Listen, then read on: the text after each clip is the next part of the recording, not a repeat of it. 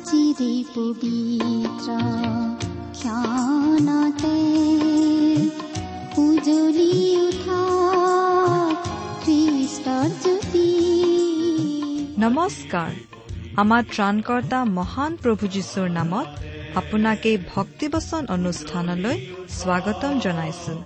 এয়া মুকলি কৰিছো ঈশ্বৰৰ জীৱিত বাক্যৰ ধাৰাবাহিক অনুষ্ঠান ভক্তিবচন।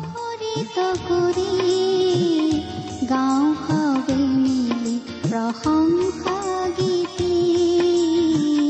গাওঁ সবে মিলি প্ৰশংসা গীতি আজিৰে পবিত্ৰ ক্ষণতে উজলি উঠা খ্ৰীষ্টৰ আপোনাৰ জীৱনত যদি শান্তি পাব বিচাৰে তেন্তে এয়া ঈশ্বৰৰ বাক্যৰ সান্তনা বাক্য ভক্তি বচন।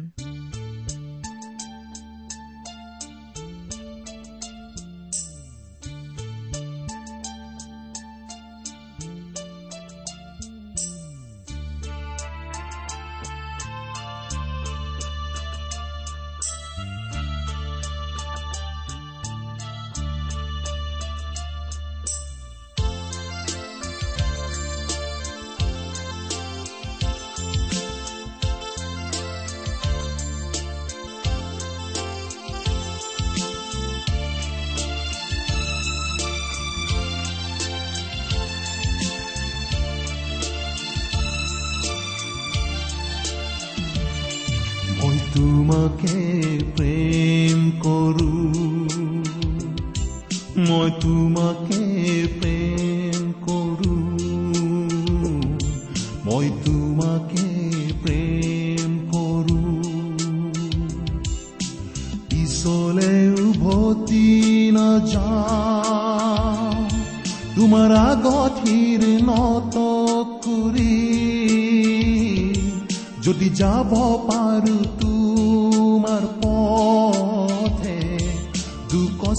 আহিলে জীৱন। পিছলে উভতি নাযাওঁ। তোমাৰ আগঠিৰ নত কৰি।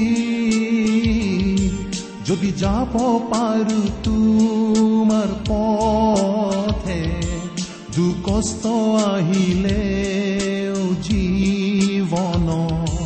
পিছলে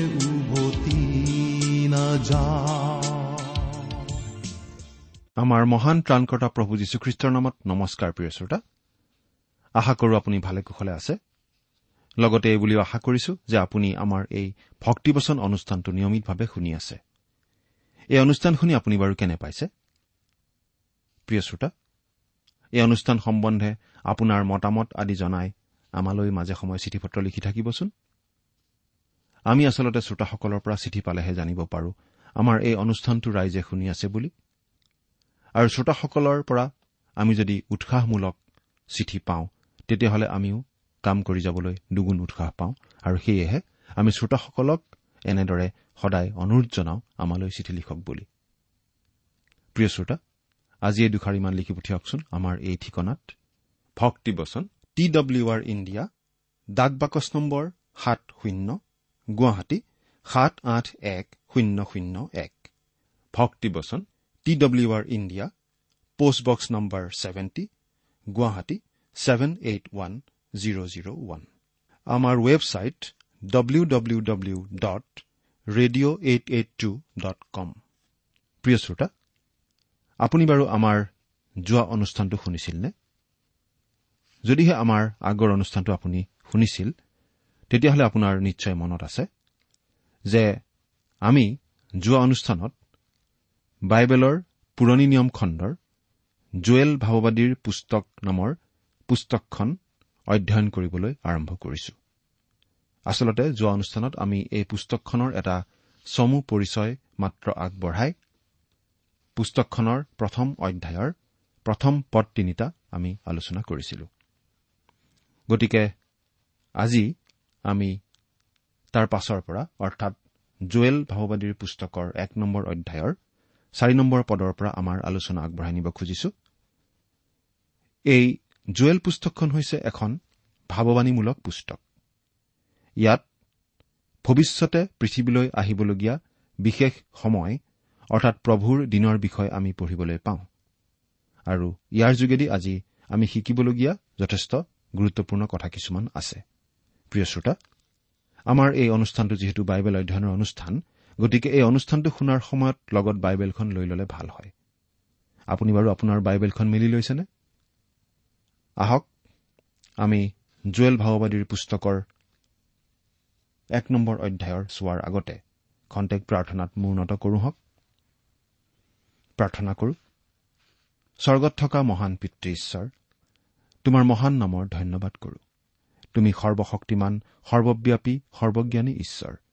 তুমি আমাক প্ৰেম কৰোতা ঈশ্বৰ আৰু তুমি আমাক ইমানেই প্ৰেম কৰিলা যে আমাক উদ্ধাৰ কৰিবলৈ তোমাৰ একেজাত পুত্ৰ যীশুখ্ৰীষ্টকেই আমালৈ দান কৰিলা। তেওঁ ক্ৰুচত প্ৰাণ দি আমাৰ সকলো পাপৰ প্ৰায়চিত্ৰ কৰিলে আৰু তৃতীয় দিনা জি উঠি নিজৰ ঈশ্বৰত্বৰ প্ৰমাণ দিলে। আজি তেওঁত বিশ্বাস কৰি আমি পৰিত্ৰাণ লাভ কৰিব পাৰিছো আৰু তোমাক পিতৃ বুলি মাতিব পাৰিছো। তাৰ বাবে অশেষ ধন্যবাদ পিতা। এতিয়া আমি তোমাৰ মহান বাক্য বাইবেল শাস্ত্ৰ অধ্যয়ন কৰিবলৈ ওলাইছো প্ৰাৰ্থনা কৰিছো। তুমি আমাক তোমাৰ বাক্য বুজিবলৈ সহায় কৰা আৰু আমাৰ প্ৰতিজনৰ আগত নিজকে অধিককৈ প্ৰকাশ কৰা। আমাৰ মৰমৰ শ্ৰোতাসকলৰ জীৱনত তোমাৰ আশীৰ্বাদ উপচি পৰিবলৈ দিয়া। কিয়নো এই প্ৰাৰ্থনা আমাৰ পাপৰ প্ৰায়চিত্ৰ কৰিবলৈ ক্ৰুচত প্ৰাণ দি তৃতীয় দিনা পুনৰ জি উঠি এতিয়া স্বৰ্গত আমাৰ বাবে নিবেদন কৰি থকা ত্ৰাণকৰ্তা প্ৰভু যীশুখ্ৰীষ্টৰ নামত আগবঢ়াইছো। আমেন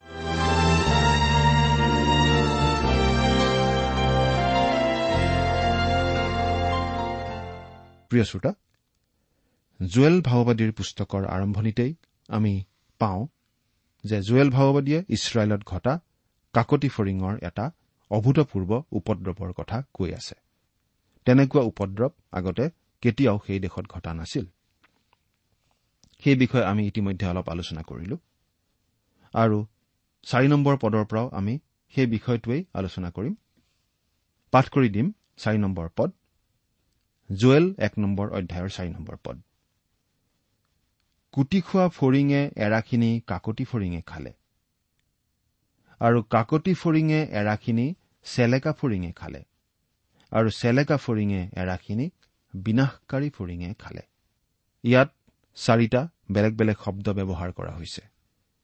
কুটি খোৱা ফৰিং কাকতি ফৰিং চেলেকা ফৰিং আৰু বিনাশকাৰী ফৰিং কিছুমান লোকে ভাবে যে ইয়াত চাৰি ধৰণৰ পতংগৰ কথা কোৱা হৈছে। কিন্তু সেই কথাটোৰ আচলতে একো ভিত্তি নাই। কাকতি ফৰিং বুজাবলৈ ইব্ৰী ভাষাত ব্যৱহাৰ কৰা শব্দটো হৈছে আৰবেহ। আৰু ইয়াৰ অৰ্থ হৈছে যে সেইবোৰ সংখ্যাত অলেখ আৰু সেইবোৰ পৰিভ্ৰামী পতংগ। সেইবোৰে এটা প্ৰকাণ্ড জাক হিচাপে আহে।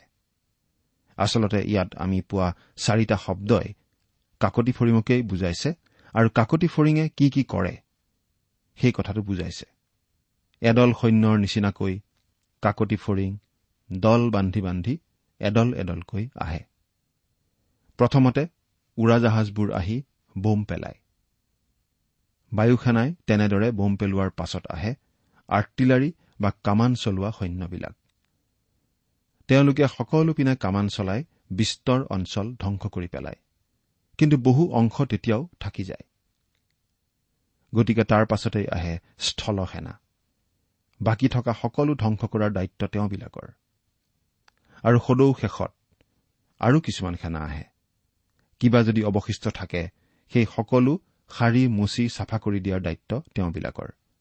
আমি ইয়াত যিটো পাইছো সেইটো আচলতে কাকতি ফৰিঙৰ সৈন্যবাহিনীৰ চাৰিটা বেলেগ বেলেগ দলৰ নিচিনা কথা। কাকতি ফৰিঙৰ কোনো ৰজা নাই কোনো লেফটেনেণ্ট নাই কোনো সেনানায়ক নাই কোনো ছাৰ্জেণ্ট নাই কোনো মেজৰ নাই। কিন্তু সিহঁত এটা সৈন্যদলৰ নিচিনাকৈ ধুনীয়াকৈ আগবাঢ়ি আহে। ঈশ্বৰে প্ৰায়েই কাকতি ফৰিঙৰ জাক পঠিয়াইছিল মানুহলৈ শাস্তি বা দণ্ডস্বৰূপে। কিন্তু ইয়াত যিটো উপদ্ৰৱৰ কথা আমি পঢ়িবলৈ পাই আছো সেইটো আমি এটা প্ৰাকৃতিক ঘটনা বুলিয়েই ধৰিম। আমি ভাবো যে এইটো ইছৰাইল জাতিৰ প্ৰতি দণ্ড হিচাপে ঈশ্বৰৰ পৰা অহা নাছিল।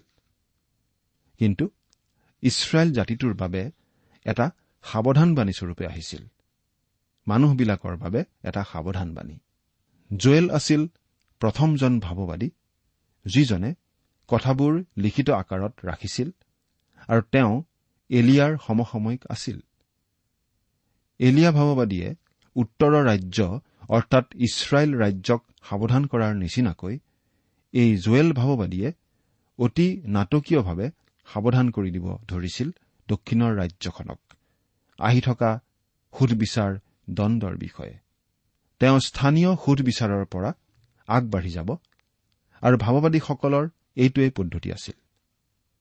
স্থানীয় পৰিস্থিতিৰ পৰা ভৱিষ্যতলৈ আগবাঢ়ি যোৱা সুদূৰ ভৱিষ্যতলৈ আগবাঢ়ি যোৱা আহিবলগীয়া সেই সুধবিচাৰৰ দিন অৰ্থাৎ প্ৰভুৰ দিনলৈকে। প্ৰভুৰ দিন। এই প্ৰভুৰ দিন বিষয়টো আচলতে শাস্ত্ৰত সকলোতকৈ কমকৈ বুজা নাইবা মানুহে ভুলকৈ বুজা কিন্তু অতি গুৰুত্বপূৰ্ণ বিষয়। জুৱেল ভাৱবাদীয়েই প্ৰথমতে এই প্ৰভুৰ দিন বা জিহুৱাৰ দিন কথাটো ব্যৱহাৰ কৰিছিল। আৰু প্ৰভুৰ দিনটোনো কি? সেই কথা তেওঁ অতি পৰিষ্কাৰ কৰি দিছিল। তেওঁৰ পাছৰ বাকী সকলো ভাৱবাদীয়ে কেৱল সেই দিন সেই দিন বুলি ক'ব লগাহে হৈছিল। আৰু সেই দিন বুলি কওঁতেই এই কথা বুজি পোৱা গৈছিল তেওঁলোকে যে জুৱেল ভাৱবাদীয়ে কৈ যোৱা সেই জিহুৱাৰ দিনৰ কথাই কৈছিল। প্ৰিয় শ্ৰোতা আমি আচলতে এই অধ্যায়টোৰ পৰা অলপ আগবাঢ়ি যোৱাৰ নিচিনা হৈছে। কিন্তু আমি এই কথাটো ক'ব খুজিছো যে জুৱেল ভাওবাদীয়ে এই স্থানীয় পৰিস্থিতি অৰ্থাৎ কাকতি ফৰিঙৰ উপদ্ৰৱৰ পৰা ভৱিষ্যতৰ আহিবলগীয়া প্ৰভুৰ দিনৰ কথা ক'ব যি দিনৰ আৰম্ভণি ঘটিব মহাক্লেশৰ সময়ছোৱাৰ দ্বাৰা। মহাক্লেশৰ সময়। মহাক্লেশৰ সময় কেনেদৰে আৰম্ভ হ'ব? মহাক্লেশৰ আৰম্ভণি হ'ব সেই চাৰিটা অশ্বাৰোহীৰ দ্বাৰা। অৰ্থাৎ প্ৰথমতে কিছুদিনৰ বাবে এটা ভুৱা শান্তিৰ সময় এই পৃথিৱীলৈ আহিব। তাৰ পাছতেই এই পৃথিৱীত প্ৰচণ্ড যুদ্ধ বিগ্ৰহ ঘটিব। তাৰ পাছতেই হ'ব প্ৰচণ্ড আকাল আৰু সদৌ শেষত আহিব সেঁতা ঘোঁৰা অৰ্থাৎ মৃত্যু। ইয়াত কাকতি ফৰিঙৰ যি চাৰিটা দলৰ কথা আমি পালো সেইকেইটাৰ লগত ভৱিষ্যতে মহাক্লেশৰ সময়ত আহিবলগীয়া সেই চাৰিজন অশ্বাৰোহীৰ সাংঘাতিক সাদৃশ্য আমি দেখা পাওঁ। মহাক্লেশৰ সময়ত সেয়া আক্ষৰিক অৰ্থৰ কাকতি ফৰিং নহ'ব কিন্তু সেয়া হ'ব বহু বেছি পৰিমাণে ভয়ংকৰ। সেই ঘোঁৰাত উঠি অহাজনে কেৱল এটা অঞ্চল নাইবা এখন দেশ নহয় কিন্তু গোটেই পৃথিৱীতেই প্ৰভাৱ পেলাব। পৃথিৱীখন একেবাৰে ধ্বংসস্তূপত পৰিণত হ'ব। প্ৰভু যীশুৱে আহি ইয়াত তেওঁৰ ন্যায় ৰাজ্য প্ৰতিষ্ঠা নকৰা পৰ্যন্ত। এতিয়া পাঠ কৰি দিম পাঁচ নম্বৰ পদ। হে মতলীয়াবিলাক সাৰ পাই কান্দা। হে দ্ৰাক্ষাৰস পাণ কৰোতাবিলাক নতুন দ্ৰাক্ষাৰসৰ নিমিত্তে হাহাকাৰ কৰা কাৰণ তেওঁ তোমালোকৰ মুখৰ পৰা নিয়া হল। কাকতি ফৰিংবোৰে প্ৰথমতে আঙুৰ বাৰীবিলাক আক্ৰমণ কৰিলে। সিহঁতে আঙুৰ নোহোৱা কৰি দিলে আৰু মদপীৰ বাবে সুৰা নোহোৱা হল। ইছৰাইল জাতিৰ অধঃপতনৰ আৰম্ভণিতেই আচলতে সকলোতকৈ ডাঙৰ পাপ আছিল মদ্যপান কৰি মতলীয়া হোৱা কথাটো। আজিকালিও আমি দেখি থাকো আমাৰ চাৰিওপিনে ঘটি থকা বিভিন্ন দুৰ্ঘটনা আদিৰ মূলতেই হৈছে সুৰামত্ত লোক মদ খাই মতলীয়া হোৱা লোক। ঈশ্বৰৰ বাক্যত এই সুৰাৰ বিৰুদ্ধে কোৱা হৈছে বাবেই আমিও ইয়াত এই কথা উল্লেখ কৰিছো। আজি বিভিন্ন দেশৰ বহুতো ডাঙৰ ডাঙৰ সিদ্ধান্ত গ্ৰহণ কৰা হয় ককটেইল পাৰ্টীবোৰত। সেইবাবেই আমি দেখিবলৈ পাওঁ বহুতো সিদ্ধান্ত সুস্থ মস্তিষ্কৰে লোৱা সিদ্ধান্ত নহয় যেন লাগে। হে মতলীয়াবিলাক সাৰ পাই কান্দা।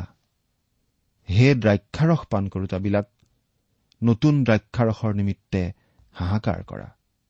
আচলতে একেবাৰে আৰম্ভণিতেই মদ্যপানে ইছৰাইল জাতিৰ ভেটি খহাবলৈ আৰম্ভ কৰিছিল। জুৱেলে একমাত্ৰ এই পাপটোৰ কথাই উল্লেখ কৰিছিল।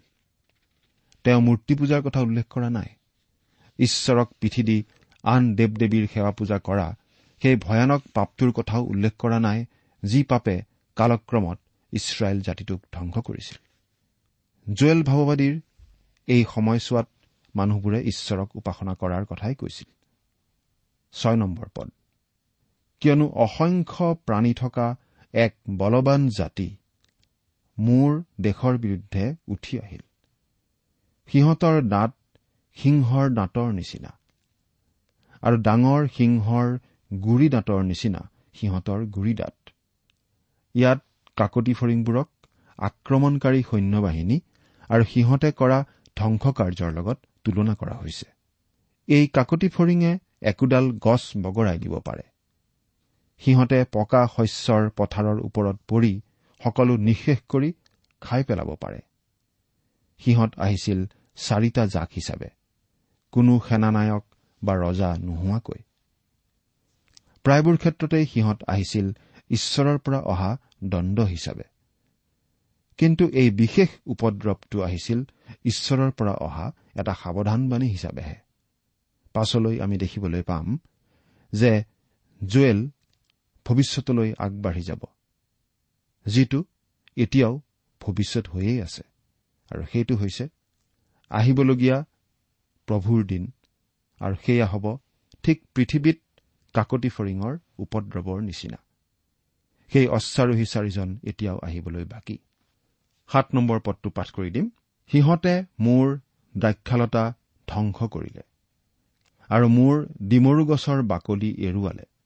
সিহঁতে তাক নিচেইকৈ বখলিয়াই পেলাই দিলে। তাৰ ডালবোৰ বগা কৰিলে। কাকতি ফৰিঙে সঁচাকৈয়ে একোডাল গছ মাৰি পেলাব পাৰে।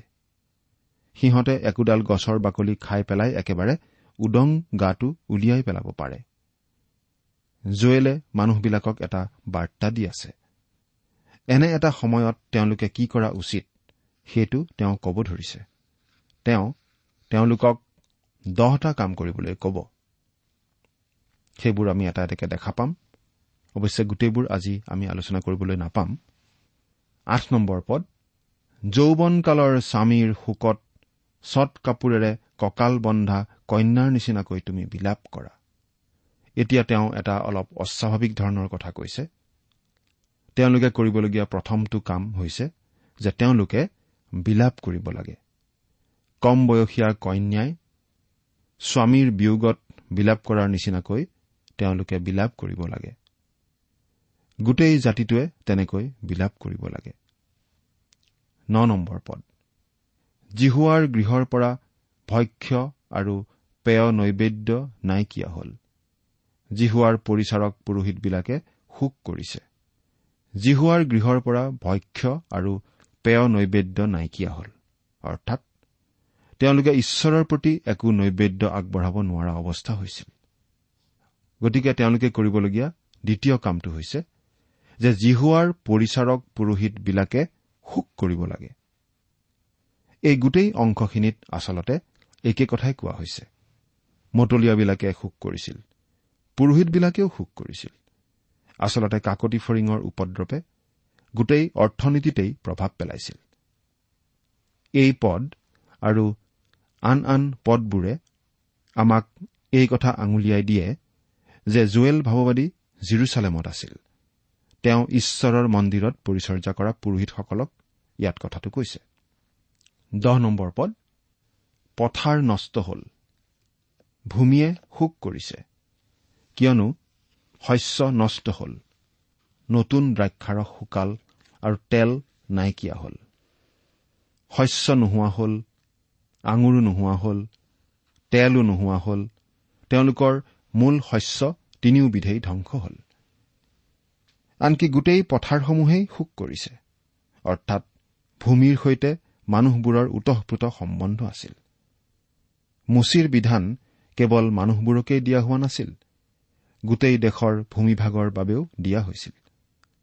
জুৱেলে মতলীয়াসকলক কলে পুৰোহিতসকলৰ প্ৰতিও কলে আৰু এতিয়া তেওঁ খেতিয়কসকলৰ প্ৰতি কথা কোৱা আমি দেখিবলৈ পাম।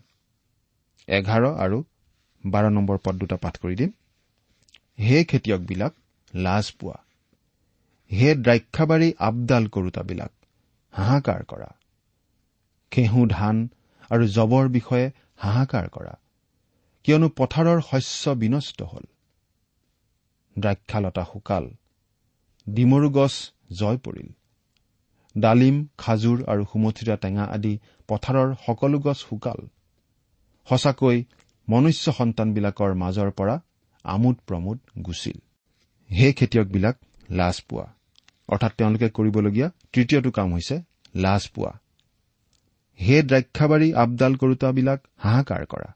অৰ্থাৎ তেওঁলোকে কৰিবলগীয়া চতুৰ্থ কামটো হৈছে হাহাকাৰ কৰা। এতিয়া পাঠ কৰি দিম। তেৰ নম্বৰ পদ। হে পুৰোহিতবিলাক তোমালোকে কঁকাল বান্ধি বিলাপ কৰা। হে যজ্ঞবেদীৰ পৰিচাৰকবিলাক হাহাকাৰ কৰা। হে মোৰ ঈশ্বৰৰ পৰিচাৰকবিলাক আহা চট কাপোৰ পিন্ধি উৰে ৰাতি পৰি থাকা। কিয়নো তোমালোকৰ ঈশ্বৰৰ গৃহৰ পৰা ভক্ষ্য আৰু পেয় নৈবেদ্য নাইকিয়া হল। পুৰোহিতবিলাকক কোৱা হৈছে কঁকাল বান্ধা আৰু বিলাপ কৰা। অৰ্থাৎ কৰিবলগীয়া পাঁচ নম্বৰ কামটো হৈছে কঁকাল বান্ধা ছয় নম্বৰ কামটো হৈছে বিলাপ কৰা। পুৰোহিতসকলে তেওঁলোকৰ কাম কৰিব পৰা নাছিল কাৰণ নৈবেদ্য আদি আগবঢ়াবলৈ একোৱেই বস্তু বাকী নাছিল। তেওঁবিলাকে চট কাপোৰ পিন্ধি গাত ছাই সানি গোটেই ৰাতি পৰি থাকিবলগীয়া হৈছিল কাৰণ কোনো ভক্ষ্য নৈবেদ্য নাইবা পেয় নৈবেদ্য আগবঢ়াব পৰা নাছিল। গোটেই দেশখনৰ অৰ্থনীতি ভাঙি পৰিছিল। আনকি ঈশ্বৰলৈ নৈবেদ্য আগবঢ়াব পৰা বস্তুৰ অভাৱ হৈছিল। কিন্তু ঈশ্বৰে এই কথা পৰিষ্কাৰ কৰি দিছিল যে ৰীতি নীতি আদি মূল কথা নহয় মানুহৰ অন্তৰখনহে আচল কথা। এই পদকেইটাত ঈশ্বৰে মানুহবোৰক এনেকুৱা কিবা এটা কৰিবলৈ কৈছে যিটো তেওঁ আগতে কেতিয়াও কৰিবলৈ কোৱা নাছিল। যেতিয়া ঈশ্বৰে মুচিৰ বিধানসমূহ দিছিল তেওঁ মানুহবোৰক সাতটা পৰ্বৰ দিনো দিছিল। আৰু তেওঁ এই কথা জনাই দিছিল যে তেওঁ মানুহবোৰক তেওঁৰ আগলৈ বিমৰ্ষ মনে অহাটো নিবিচাৰে। তেওঁ বিচাৰিছিল মানুহবিলাকে যাতে আনন্দ উল্লাস কৰি অন্তৰত আনন্দ লৈ তেওঁৰ আগলৈ আহে। আজি বাৰু যেতিয়া খ্ৰীষ্টীয় বিশ্বাসীসকল প্ৰাৰ্থনা উপাসনাৰ বাবে গীৰ্জাঘৰত গোট খায় তেতিয়া আনন্দ উল্লাসৰ ভাৱ থাকেনে? গীৰ্জাঘৰত শিক্ষকে ধেমেলীয়া কাহিনী কলেও কিছুমান লোকে বেয়া পায়। বহু সময়ত মানুহবোৰ নীৰৱে বহি থাকে আৰু মিচিকীয়া হাঁহি এটাও নামাৰে। তেনে কৰা হলে নিশ্চয় ভাল আছিল। সেয়া উপকাৰী হলহেঁতেন। আজি আচলতে আনন্দ নাই।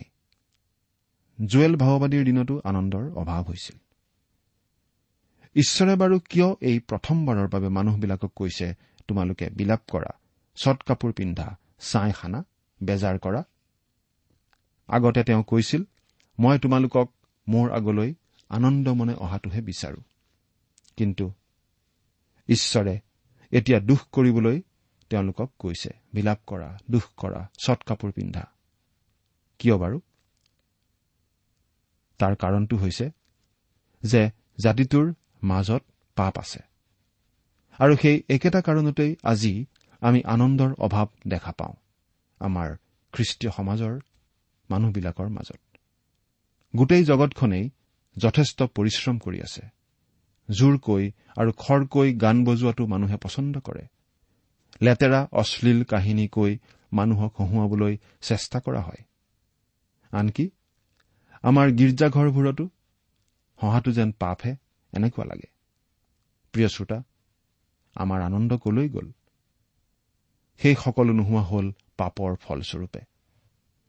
সেইবাবেই ঈশ্বৰে আমাক আনন্দ উপভোগ কৰিবলৈ নিদিয়ে।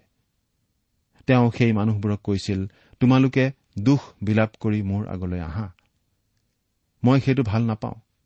কিন্তু তোমালোকে পাপৰ কাৰণে অনুশোচনা কৰা মই চাবলৈ বিচাৰো। প্ৰিয় শ্ৰোতা আপুনি বা মই নিজক পৰীক্ষা কৰি চোৱা উচিত। আমাৰ হৃদয়ত বাৰু সঁচাকৈ আনন্দ আছেনে? আমি বাৰু অন্তৰ খুলি হাঁহিব পাৰোনে? যদিহে আমি আনন্দ উপভোগ কৰিব পৰা নাই যদিহে আমাৰ অন্তৰত বুজাব নোৱাৰা কিবা দুখৰ ভাৱ এটা আছে তেতিয়াহ'লে আমাৰ জীৱনত নিশ্চয় কিবা পাপ আছে। আমি প্ৰত্যেকেই নিজক পৰীক্ষা কৰি চোৱা উচিত আৰু যদিহে আমাৰ জীৱনত প্ৰকৃত আনন্দ আমি লাভ কৰা নাই আমাৰ জীৱনত যদিহে কিবা গুপুত পাপ আছে সেই সকলো প্ৰভু যীশুৰ হাতত সোধাই দি তাৰ বাবে ক্ষমা বিচাৰি তেওঁৰ তেজৰ দ্বাৰা সূচী হৈ আমি প্ৰকৃত আনন্দ উপভোগ কৰি জীয়াই থাকিবলৈ শিকা উচিত। ঈশ্বৰে আমাৰ সকলোকে আশীৰ্বাদ কৰক। আহমেদ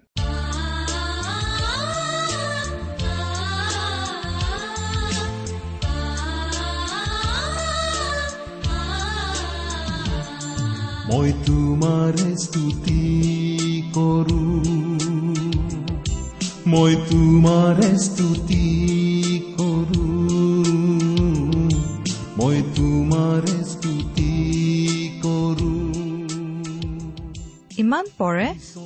ভক্তিবচন অনুষ্ঠানটি শুনিলে।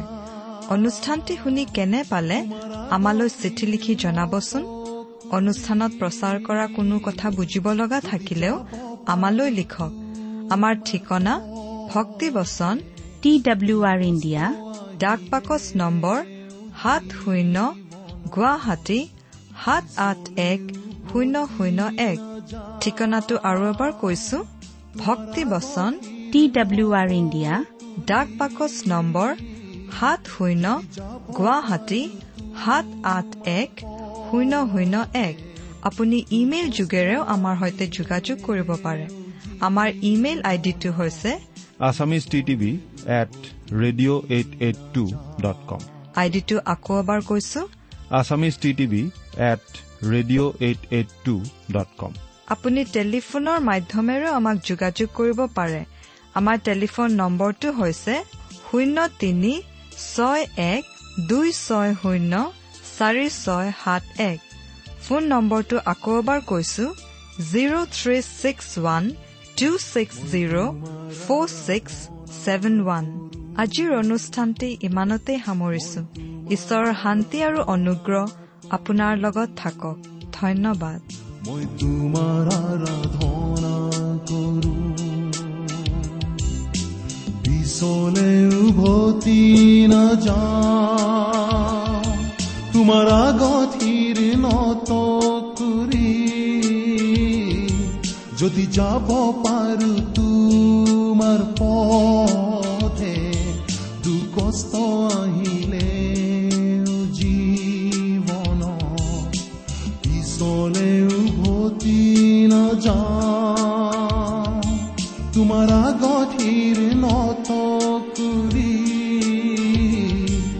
যদি যাব পাৰো তোমাৰ পথে দুখ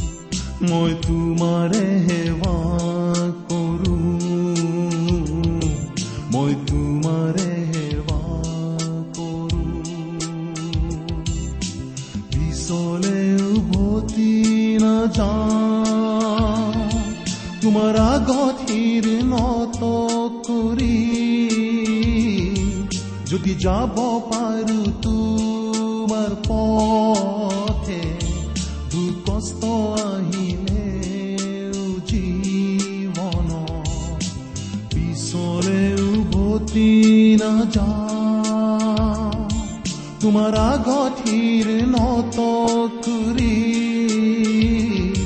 যদি যাব পাৰো তোমাৰ